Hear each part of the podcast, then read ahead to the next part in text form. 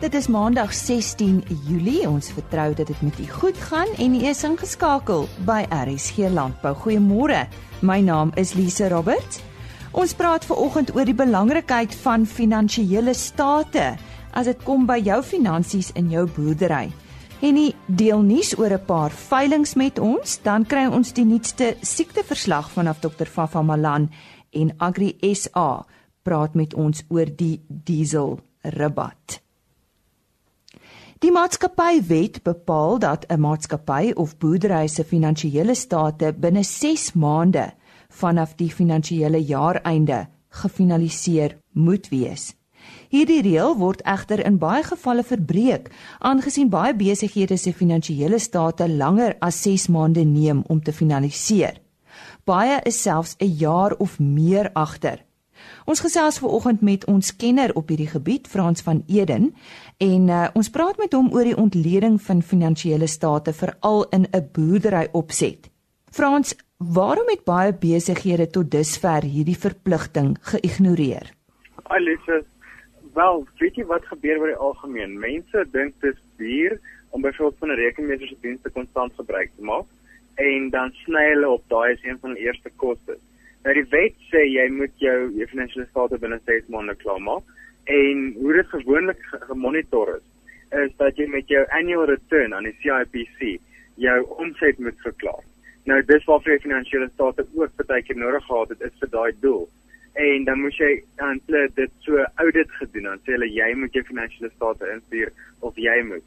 Nou wat nou gebeur het is hulle het dit nou verander. So van 1 Julie af het hulle nou effektief besluit jy gaan nou 'n nuwe reporting language hê, met XBRL of is dit? En van 1 Julie af gaan jy nou die opgawe indien en jy moet saam met dit finansiële state indien. Nou mense het oor die algemeen gelos nommer 1 vir vir kostes en nommer 2 ook want hulle was nie bewus daarvan dat dit nodig is of om die annual returns in te dien nie, maar dit beteken die maatskappy word geregistreer en baie mense kry daai surprise en ook ander kere dat hulle nie gevoel het dit nodig om om vir hulle groot maatskappy dit te doen. So hoe word dit nou gemonitor? Wel, soos ek nou genoem het, met die CIPC het hulle nou 'n nuwe stelsel ontwikkel en dit gebruik XBRL, XBRL, um extensible business reporting language. En dit is nou 'n elektroniese vorm van finansiële state wat ingedien word. Ehm um, dis alles in kode en dit spesifiek geformat net vir 'n program dit kan verstaan. En tensy jy XBRL coding kan doen, dan gaan jy nie al daai state kan indien in die regte formaat nie, want PDFs en Excel en Word state word nou glad nie meer aanvaar nie. Frans, hoekom is daar iets soos finansiële state? Wel, finansiële state in die ou konsep het natuurlik ontwikkel want mense wou weet hoeveel geld hulle maak, maak hulle wins of verlies.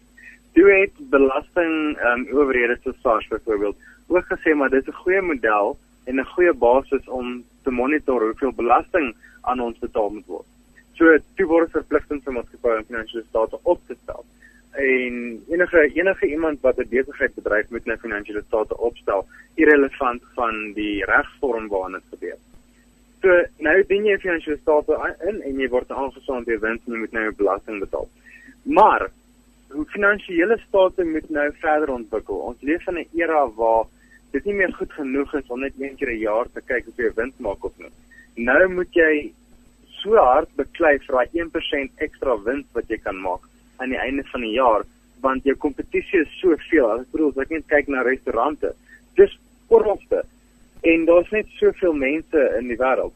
So daar moet iewers moet mense nou gaan sit. So hoe gaan jy jou besigheid diferensieer as almal anderste. Die finansiële state kom daarbey. Want jy weet nou hoeveel geld kan ek spandeer as jy elke maand kyk na jou finansiële state natuurlik. Hoeveel geld ek het om te spandeer om my kliëntebasis te groei deur middel van bemarking? Dan kan jy kyk of dit byvoorbeeld werk. As dit nie werk nie, dan kan jy ander stappe neem. Maar jy kan nie meer deesdae net blindelings aangaan, geld spandeer op 'n klomp verskillende uitgawes en nie weet of jy of jy resultate sien nie. En dis nou waar finansiële state nou dit moet half evolve as ek sou kan stel die gebruik van finansiële state en jy moet 'n maandeliks daarna kyk om te sien of jy ehm um, resultate kry vir dit wat jy insit Frans gesels bietjie met ons oor wat die strategiese deel van bestuur alles behels. Nou, strategiese bestuur in 'n besigheid beteken jy moet kyk na hoe jy soveel as moontlik ehm um, bloed uit 'n klip uit kan druk as ek dit so kan stel. Baie mense het baie ondervinding in die praktiese deel van die besigheid, maar die strategiese deel kom in die langtermyn prentjie, waar wil ek hê die besigheid moet heen gaan? maar dan ook die operasionele besluite wat jy neem. Hoekom hoe word dit finansiëel omgeskakel en hoe neem hoe hou ons rekord daarvan en hoe trek ons ons groei tot by ons strategiese doelwit. Nou as jy in vandag se wêreld om geld wil maak, dan is dit baie moeiliker as wat byvoorbeeld 40 jaar terug was. En strategiese bestuur beteken elke deel van jou besigheid moet so word haar fyn bestuur sodat elke deel die maksimale inkomste kan genereer met die minimale uitgawes in jou besigheid. En dit beteken jy kyk na nuwe maniere wat jy voorraad bestuur, nuwe maniere van ehm um, van bemarking, nuwe maniere van personeel bestuur. Dit alles vorm deel van jou strategiese plan. En dis nodig in vandag se dae met tafel diferensieer. En wat is projekbestuur? Nou, dis belangrik om te kyk na jou besigheid as 'n projek. Nou projek het normaalweg 4 fases. Het jy beplanningsfase, dan jy implementeringsfase. Dan het jy daarna jou jou afsluiting en dan jou monitering en hersiening. So met afsluiting kom dit ook natuurlik jy evalueer. En hier is nou in hierdie proses, is 'n deurlopende proses wat jy in jou besigheid het.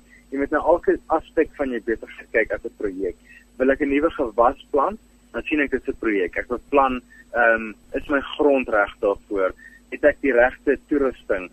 Hoeveel omset moet ek hê om hierdie netto winspersentasie in my besigheid te bereik? Wat beteken ek maak 'n goeie opbrengs of nie? En dit beteken jy stel 'n klomp klein doelwitte langs die pad. Jy kan nie net een groot doelwit aan die einde en 'n klomp kleintjies tussenin hê.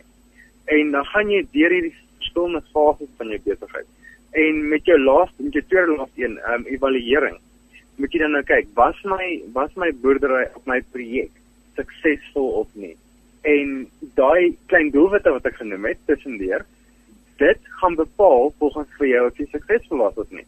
As jy gesê het sukses is vir my wanneer ek hierdie 5 goed bereik en ek het net 3 bereik, dan moet jy vir jouself vra, het jy regtig 'n sukses bereik?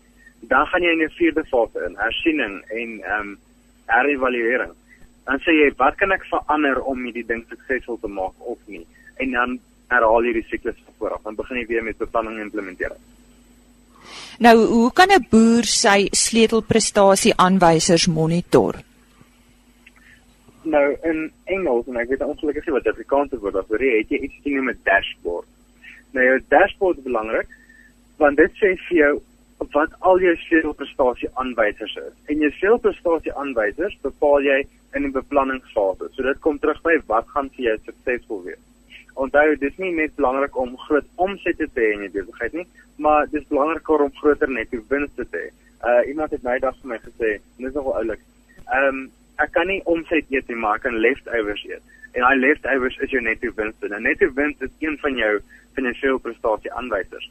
Maar ander seel prestasie aanwysers wat belangrik is en dit kom met die heeltyd die implementeringsfase nou weer by wat jy dit moet trek ook is goed soos hoeveel rand per um, hektaar ek spandeer op op my gewasproduksie. Ehm um, hoeveel ure spandeer my arbeiders? Ehm um, dis operasioneel nou weer. Ehm um, en hoeveel kos daai ure my? En hoe kan ek deur byvoorbeeld as ek oorweeg om 'n nuwe implement te koop, hoeveel ure gaan dit afneem van my werkers se arbeid af? En gaan daai koste wat nou daarmee gepaard kom die die ehm um, voordelig wees in die korttermyn of in die langtermyn. Gaan dit beteken hy gaan baie ure spaar by arbeiders wat duurder is per uur as die masjien of nie. So dis die tipe goed wat jy in jou in jou seel prestasie aanwysers kyk. En dit kom ek weer terug by ons beplanningsfase. En wat gebeur nou as dit 'n mislukking is? So, as jy nou deur jou in die derde fase kom en jy evalueer na jou projek en jy sê dit is 'n mislukking, dan moet jy nou kyk of Okay, dan jy een van drie keuses. Of jy besluit die projek is 'n uh, afskrywing en jy stop die projek en jy sê daar's niks jy kan doen om dit te verbeter nie en jy begin 'n nuwe projek, 'n nuwe gewas byvoorbeeld. of jy sê die projek ja, hy was 'n mislukking. Ehm um, ek kan iets verander hier en daar om dit beter te maak. Of jy sê, okay, weet jy wat, ek aanvaar die ek kan nie veel verander nie, maar ek aanvaar my my resultate. So ek verander dan nou net my my silverstasie aanwysers waarna ek moet. So dis jou drie opsies. Ehm um, jy gaan of dit los of jy gaan aangaan en jy gaan jou jou expectations aanpas of jy gaan iets verander in die proses wat jy gevolg het om by jou expectations uit te kom. Om jy af te sluit Frans, wat is dan volgens jou die beste manier vir 'n boer om sy finansies te meet en te bestuur? Die belangrikste manier is om elke maand vir 'n verslag op te stel. Nou, of jy dit nou in Excel doen of jy nou 'n uh, 'n baie gesofistikeerde bestuursprogram gebruik daarvoor, sorg net dat jy twee komponente daarbey het. Dat jy 'n finansiële komponent het waar jy na jou kontantvloei kyk, dat jy kyk na jou netto winste, dat jy kyk na ehm um, daai tipe uitgawes, jou koste per hektaar, jou koste per dier, hoeveel dit kos om as jy ekstra voer bysit, hoeveel word die die verwagte kom ons sê maar karkas gewig meer of minder. Ehm um, al daai goed moet jy elke maand monitor en jy moet sê dis wat my doel is jy moet per dier as ek 'n voorbeeld van 'n 'n beeskant gebruik jy moet elke beeskant volg regdeur sy lewensiklus en kan sien dit is wat hy my gekos het ter vir sy lewe by by my. En as ek hom uitslag kry soveel. En ek het soveel voer vir hom gegee wat bestaan uit uit hierdie produkte. Ehm um, as ek dit aanpas by 'n ander by 'n ander groep dan kry ek hoër of minder 'n uh, kilogram per karkas So dis die tipe goed wat jy maar moet kyk. Nou of jy nou 'n baie gesofistikeerde stelsel gebruik vir dit of nie, ehm um, dis amper als irrelevant, maar sorg dat jy saam met iemand werk wat hierdie tipe ehm um, selfprestasie aanwysers saam met jou kan deurwerk. Dit kan beplan en dat jy kan uh, voorberei daarop en dat jy dit kan deurvoer om 'n sukses in jou besigheid te maak. Onthou, dit gaan nie jy is dalk nou in in besigheid en jy dink dalk jy doen goed, maar jy kan altyd verbeter ook en die verbetering kom altyd by die by die challenge ook uit. En dis maar op die einde van die dag waar die lewe mos uh, die moeite werd maak. Dus as jy 'n challenge het vir, vir jou lewe. Dit was aan Frans van Eden wat met ons gepraat het oor die belangrikheid van finansiële state en het 'n e-posadres vir hom. Dit is frans by prioritize.co.za en daardie prioritize is met 'n S. En nou weer so 'n paar veilinge. Die Frankfurt Magiti veldbal veiling vind op die 17de Julie plaas op Frankfurt in die Vrystaat. Die Diamant Dorper veiling vind op die 18de Julie plaas by die GWK veilingskrale Kimberley. 50 dorper ramme, 60 dorper ooe, 35 wit dorper ramme en 35 wit dorper ooe word aangebied deur GWK. Die KwaZulu-Natal Breingus klubveiling vind op die 20ste Julie plaas by Mooi Rivier KwaZulu-Natal. Op die 21ste Julie is die nasionale boorhandveiling by die Afridome Parys. 45 SP bulle, 100 SP vroulike diere, semen van top KISP bulle word aangebied deur Vleis Sentraal. Een groblaar is die afslaer. Tot sover dan veiling nuus. Sy baie dankie aan Henny Maas vir daardie nuus oor veilinge en nou praat hy met dokter Fafa Malan. Ons uh, gesels 'n bietjie oor die siektes vir hierdie tyd van die jaar, die winter. En ons uh, praat met uh, dokter Fafa Malan. Uh Fafa, as jy nou uh een siekte moet uitsonder vir vir hierdie tyd van die jaar, watter een sou dit wees? Ja. En nee, ons het nou die siekte rapportering gekry van die veearts 115 praktyke wat hierdie tyd van die jaar geskied. Heel eerste moet ons weer eens ons herhaal oor slinktalkoors wat uitgebreek het daar in die Vrystaat daar by Jacobsdal se omgewing. Dit is 'n waarskuwing vir ons dat hierdie siekte heel waarskynlik, ek sê heel waarskynlik dit kan verander volgende jaar die volgende seisoen vir ons groot probleme gaan veroorsaak. So dit is nou die tyd om ons nie dragtige diere met die lewende en stof slingdalkoors in te ent. As ons wel dragtige diere het en dit geld nou vir skape en beeste en bokke dat ons die geïnaktiveerde enstof moet gebruik. Probleem is net dat daar heel waarskynlik ons hoop dat dit nie so is nie, nie genoeg enstof beskikbaar gaan wees as boere almal nou skielik wil inent nie. So bestel dit. Dan die ander ding, die bruselose gaan ons nog steeds aan. Ons sal elke maand daaroor gesels. Ons moet ons verse inent tussen 4 en 8 maande met stam 19 of RB51 en dan moet ons biosekuriteit handhaaf. Verse toets eers positief nadat hulle gekalf het en selfs langer. So kopersverklaringe as jy beeste inkoop, dring daarop aan om uit te vind is die kudde skoon van bruselose en dan ook om te sorg dat die bure inent. Dit is 'n area siekte. As ons dan kyk, die beeste skape gaan heel waarskynlik in die vleie gesit word. Dit is waar ons 'n lewerslagwurms en performige slag wurmbesmettings voorkom. Ons het dan ook gevalle gerapporteer gekry van hierdie siektes. Kyk ook maar weer na die inwendige parasiete dat hulle julle nie onverwags betrap. En die tekens wat moet sien, haarworm is anemie en dan ook die bankrotworms wat hierdie tyd van die jaar kan voorkom, diere wat maar word en vrek. En dan die cryptosporidiose E. coli kompleks wat nog steeds voorkom. Lammersvrek en ook kalversvrek, praat met jou veeartse. Dit is biosekuriteit wat gehandhaaf moet word en te sorg dat die jong diere goeie besmelk inkry. En dan kyk maar na bloubosluise. Ons het nog uitbreke gekry van die rooi water asiaties veral en dan ook anaplasmose wat hier in dat vlek. En luise gaan ook toeneem. So kyk na hierdie besmettings wat ook bloedrode kan veroorsaak in die winter kry ons dan ook die skaapbrand siekte uitbreke. En dit is 'n staatsbeheerde siekte. Kom ons kyk dat ons dit ook beheer. Lokvel siekte kan ook deur bosluise oorgedra word. So ons het uitbreke selfs hier in die winter gekry en uh, soveel die diere ingeënt word of is. En dan moet ons ook kyk na blou tong. Ehm uh, dit lyk vir my of hy daarom nou afgeneem het maar ons moet nou ons diere vir volgende seisoen inent en onthou dis A, B en C en dit moet 3 weke uitmekaar uit toe gedien word. Ons kyk na die deksiektes ehm um, nog altyd met ons trichomoniase en vibriose veroorsaak groot probleme dat uh, diere nie dragtig word nie. En dan die inenting van sponsiekte, lamsiekte, onthou nou lamsiekte as 'n fosfaattekorte bene wat geëet word en dan kry hulle die lamsiekte en dan ook die ander klostridiale siektes voorkomend in ent. Um, ons dink aan die bloednier, aan die rooi darms en die bloeddarms. Ons moet daarna kyk.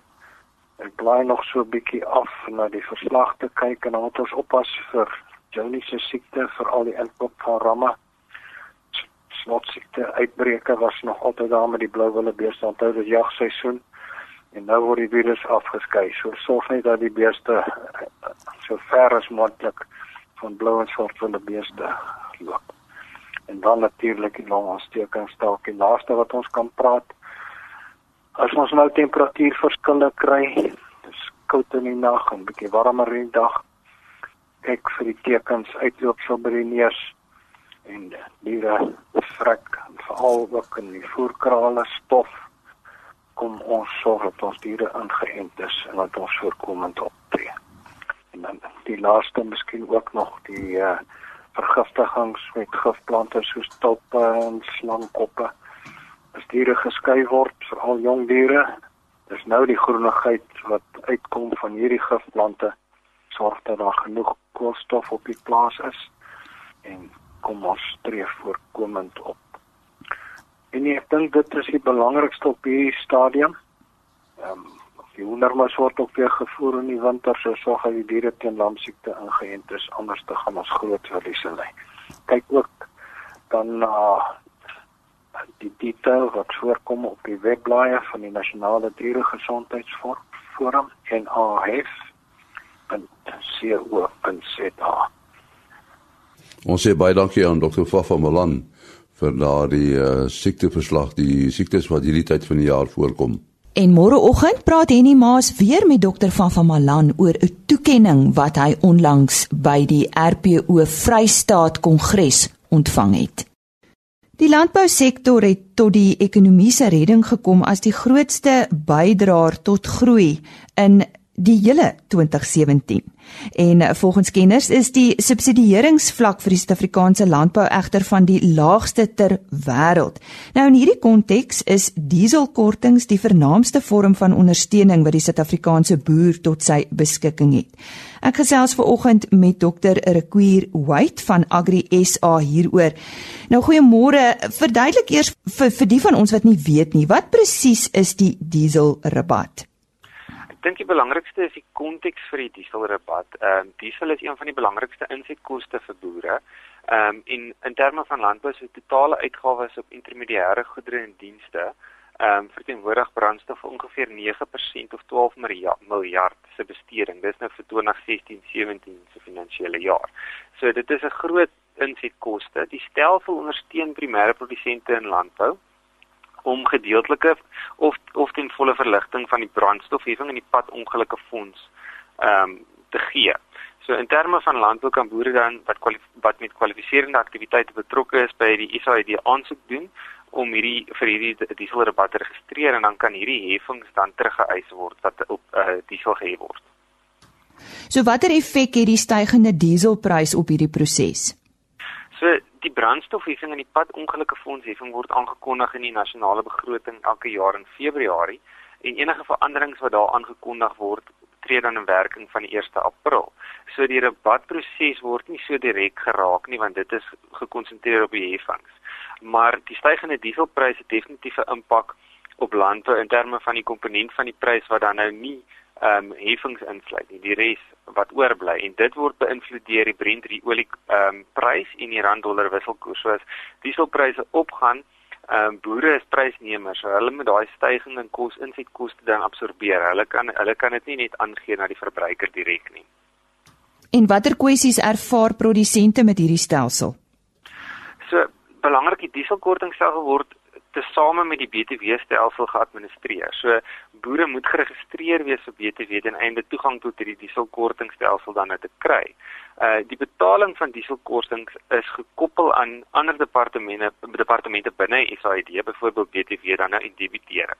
So partykeer is daar uh probleme met die uitbetaal van hierdie eise. Byvoorbeeld belastingbetalers gaan moet weet wat is hulle netto posisie in terme van die dieselkorting en BTW wat nou gaan bepaal wat hulle kan uitkry. Die nakoming van die logboek vereistes is ook dikwels 'n probleem veral wanneer eise geaudit word. Uh dan is daar nie so duidelikheid rondom wat is die spesifieke vereistes nie en dan is daar 'n proses waar SAID inligting versoek en dan kan dit uh, die proses uh, langer laat neem. Reguier, maar wat is die effek daarvan op onderskeidelike kommersiële en ontwikkelende boere in ons land? Die belangrikste beginpunt is om om om te besef dat hierdie stelsel is 'n groot hulp ter ondersteuning van boere en Suid-Afrika se landbou, SA landbou se internasionale mededingendheid. Soos ek jy in die begin gesê het, is dit is die enigste werklike vorm van ondersteuning vir Suid-Afrikaanse boere direk van die staat. In terme van die uitdagings is die mees direkte impak op kontantvloei wanneer 'n vertraging is met die terugbetaling van hierdie ehm um, van hierdie eise want as jy verwag jy gaan hierdie geld kry en jy kry dit nie en dit neem lank gaan dit 'n impak hê op jou kontantvloei en dan moet jy daai kontant kontantvloei bestuur ehm um, aanpas uh, afhangende van wanneer jy dan nou uiteindelik hierdie betaling kry. Die ander kwessie is dat boere moet geregistreer wees vir BTW om dan 'n nou toegang te kry tot hierdie stelsel. So vir kleiner boere of opkomende boere wat nie geregistreer is vir BTW nie, is die probleem dat hulle nie toegang het tot hierdie stelsel nie. Nou ek weet ons het al vroeër met uh, Graan SA ook gesels hieroor en en ek weet dat om 'n uh, 'n logboek 'n uh, um, inskrywing te behou en te sorg dat dit op datum is, is dit maar 'n storie. Uh, die nakoming van 'n 'n logboek vereiste is is is 'n probleem gesels bietjie met ons hieroor. So die groot probleem kom uh, wanneer eise geaudit word. Ehm um, die die finale logboek is nog nie deur die SAID finaliseer nie. So die probleem is die persoon wat jou kom audit het miskien 'n sekere riglyn wat hulle gebruik, maar jy het nie daai spesifieke detail nie en dikwels vra hulle inligting in 'n spe baie spesifieke formaat wat jy dit dan nou nie in daai formaat sou hê nie en dan is dit so 'n bietjie 'n uh, verwisseling van inligting en versoeke vir inligting. Ehm um, daar is 'n groter proses om te kyk hoe kan hierdie hierdie stelsel uh verbeter word om hierdie administrasie makliker te maak. So dit is 'n proses Ehm um, daar is dokumente uitgegee in verlede jaar en hulle kyk om moontlik iets uit te bring teen volgende jaar wat dan hierdie stelsel beter sal laat hardloop. Ehm um, en dit kyk ook rondom die die skeiding van BTW die BTW stelsel en die diesel ehm um, stelsel. En ons hoop dat as deel van hierdie proses gaan daar dan 'n finale logboek ehm um, uitkom wat dan 'n meer duidelikheid gaan gee en hierdie probleem op hulle kan uit die weg ruim. Uh, ek weet daar is verskeie tegnologie gedrewe opsies wat kan help om rekord te hou van diesel wat uitge, uitgereik word. Hoe hoe werk dit? So daar's 'n verskil verskeidenheid van produkte daar buite. Ehm um, Overal kan ek sien daar's elektroniese stelsels wat koppel met jou voertuig en jou boeke sagte ware. Dis een van die voorbeelde. Ehm um, so dit help jou om dan rekord te hou van wanneer jy diesel in jou voertuig sit. Ehm um, dit kan ook vir jou wys waar presies beweeg hierdie voertuig op die plaas afhangende van die tipe stelsel en dit kan dan nou deurtrek na jou sagte ware toe. En dit kan ook opgekoppel word afhangende na 'n spesifieke operateur of 'n spesifieke boerderyaktiwiteit. Ehm um, so hierdie tegnologie kan baie handig wees om die proses makliker te maak, maar op die ou einde is die is, is die groot ding dat jy jou rekord so volledig as moontlik hou. Dit is nie 'n vervanging daarvoor nie, jy het altyd daai rekord nodig. Wat kan 'n boer doen wanneer hy vertragings met sy dieselrabat ervaar? Dit is belangrik om dan die eh, die SAID se kontaksentrum te eh, te kontak om met hulle te praat en 'n verwysingsnommer te kry na ehm um, vir jou oproep. Ook as jy meer as een keer bel, kry elke keer 'n verwysingsnommer en hou dan rekord weer eens rekord van hierdie verwysingsnommers dat jy dit kan gebruik indien jy nie gehelp word nie dat hulle die saak kan eskaleer. Watter ander wenke kan boere in verband met dieselkortings oorweeg? Die belangrikste is die eh, rekordhouding. So om fyn rekord te hou van jou dieselverbruik op die plaas, veral van jou vanaf jou hoofverspreidingspunte. Jy moet kyk na die datum waarop jy diesel uit uitreik, hoeveel diesel natuurlik uitgereik word, die beskrywing van jou voertuig en die doel waarvoor die voertuig aangewend word. Ehm um, en dan kan 'n produsent ook versoek word om aan te dui waar op die plaas die aktiwiteit plaasvind. So dit is alles dinge wat jy in gedagte moet hou wanneer jy rekords opstel. Dit was 'n gesprek oor die dieselrabat en die man met wie ek gesels het is Dr. Requier White van Agri SA. Dis dan die einde van vandag se program. Tot môre. Totsiens. RSC Landbou is 'n produksie van Plaas Media. Produksieregisseur Henny Maas. Aanbieding Lisa Roberts. En inhoudskoördineerder Jolandi Rooi.